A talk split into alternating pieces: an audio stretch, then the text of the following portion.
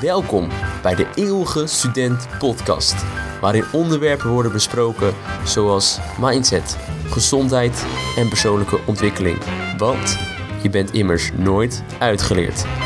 De Eeuwige Student Podcast met Justin Sarion. Veel luisterplezier.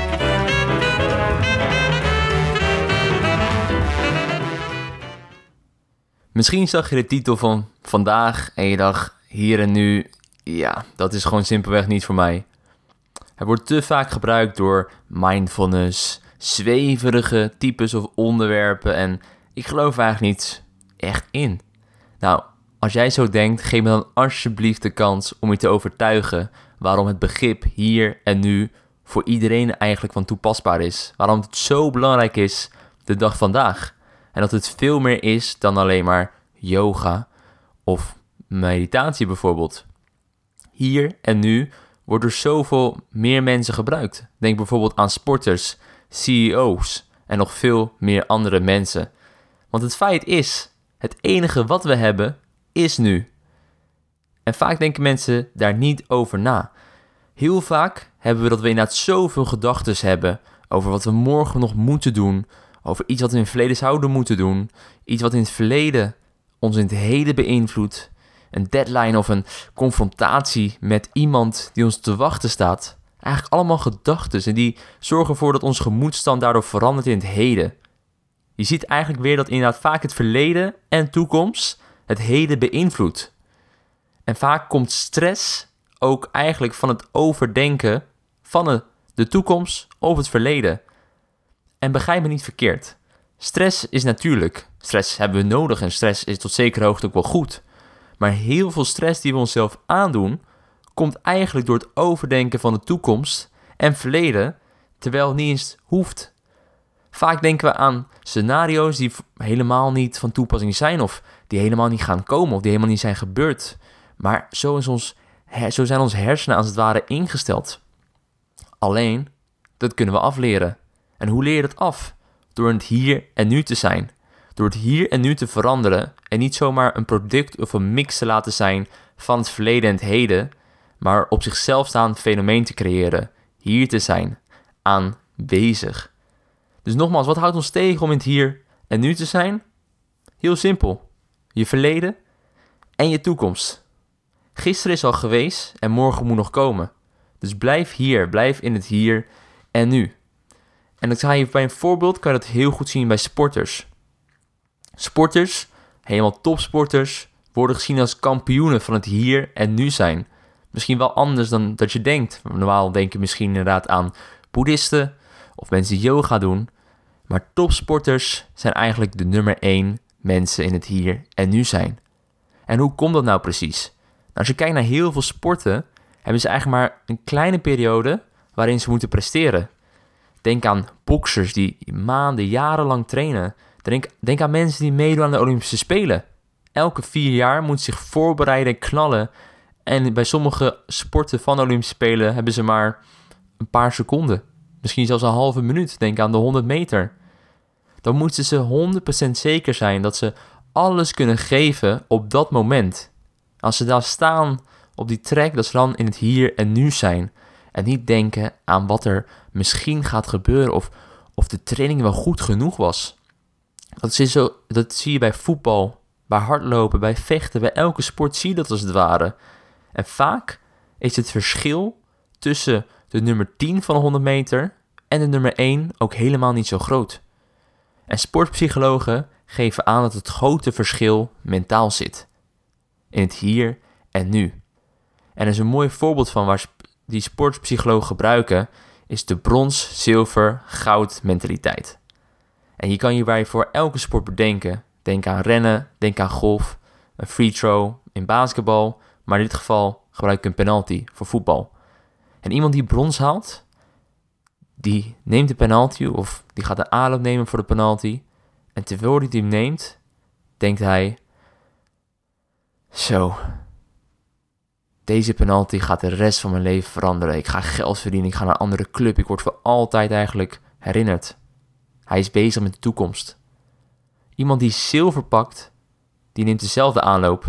Maar in plaats van dat hij aan de toekomst denkt, denkt hij misschien wel aan, ah, wat kan er gebeuren? Op zich, hij denkt ook aan de toekomst, maar wat negatieve kan. Wat kan er gebeuren met mij? Nee, als ik hem mis, al word ik gehaat. Kan ik minder geld verdienen, moet naar een andere club. Eigenlijk heel veel negatieve effecten kan dit met zich meebrengen. En misschien voel je me aankomen, maar de nummer 1, degene die goud pakt, die denkt niet aan de gevolgen. Die denkt aan het hier en nu.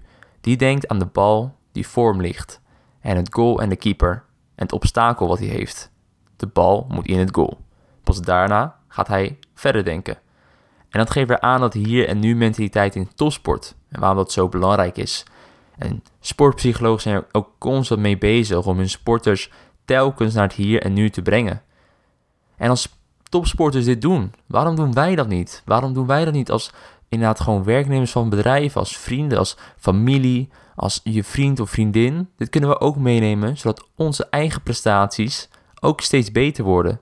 Dat we beter worden in de zin van uh, de prestatie die we leveren, maar ons ook beter voelen.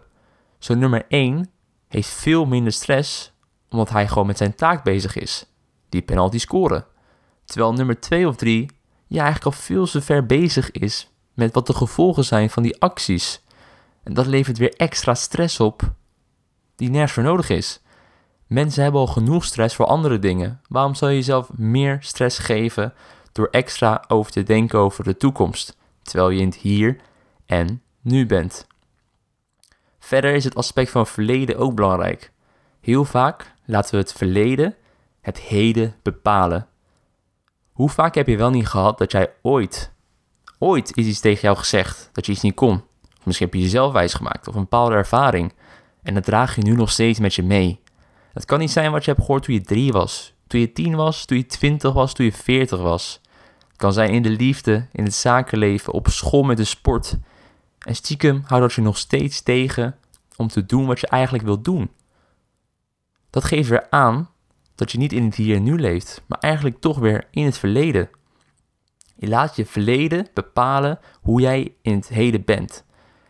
Maar als je in het hier en nu bent, laat je dat achter je. Zie je dat misschien niet als positief of negatief, maar als een gebeurtenis. En in het hier en nu bepaal jij wat jij hier en nu zou willen. En er zijn heel veel mensen, het is eigenlijk ook mens eigen om dit te doen. Maar ook dit, heel veel dingen kun je leren, maar dit kun je ook weer dus afleren.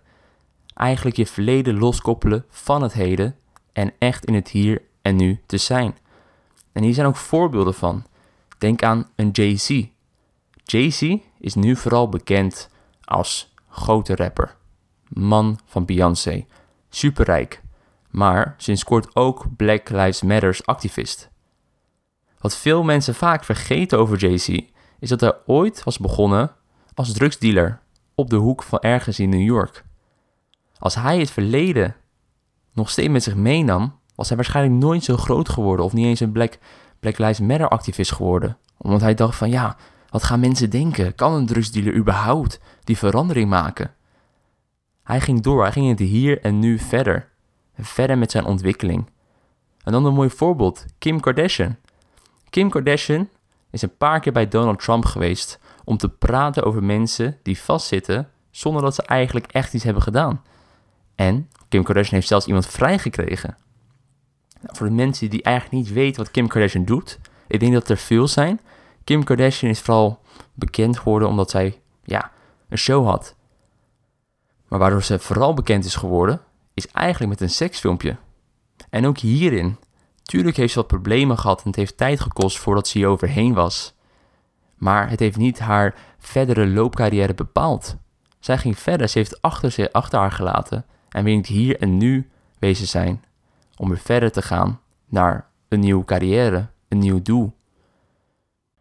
Hier zijn ook heel veel boeken over. Een bekend voorbeeld van een boek is The Power of Now. Daar wordt veel meer in beschreven inderdaad in de diepte waarom het hier en nu zo belangrijk is. En simpelweg, je hebt alleen het hier en nu. Een mooi voorbeeld uit zen-boeddhisme is het verhaal over twee monniken, een jonge en een oude monnik, die lopen over een pad. En na een heftige regenval zien zij een vrouw aan de zijkant staan. En die wil eigenlijk naar de andere kant, maar is helemaal vol met water het. Nou, de oudere monnik pakt haar op en tilt haar naar de overkant. Daarna gaan ze samen de twee monniken naar het klooster toe, waar ze de vrouw achterlaten op bestemming.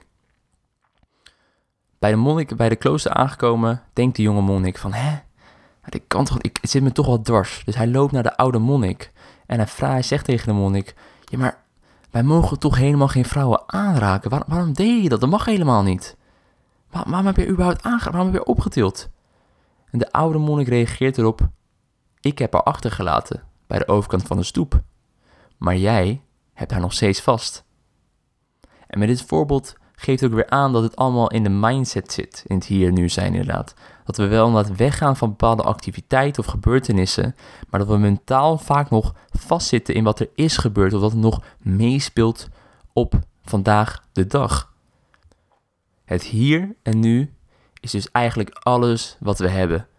En als we voor onszelf betere partners willen worden, werknemers, eh, broer of zussen, vader, moeder, noem het allemaal op, is het hier en nu super belangrijk om wat toe te gaan passen. Want het levert ten eerste gewoon al zoveel minder stress op. Wat we eigenlijk al nodig hebben.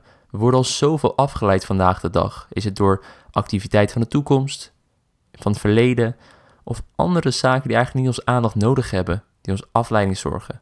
Het hier en nu zorgt ervoor dat je rust vindt en weer in het hier en nu bent. En ja, we kunnen simpelweg niet terug in de tijd. En ook al kunnen we net zoals Dio sparen voor een tijdmachine, voorlopig moeten we in het hier en nu zijn. Hartstikke bedankt voor het luisteren. Vond je dit nou een leuke aflevering? Vergeet dan vooral niet om te liken, duimpje omhoog en te subscriben. En vergeet ons ook niet te volgen op social media: YouTube, SoundCloud, Instagram, Facebook en LinkedIn. Gewoon onder de naam De Eeuwige Student Podcast. Nogmaals bedankt en tot de volgende keer. Dit was De Eeuwige Student Podcast met Justin Sarion.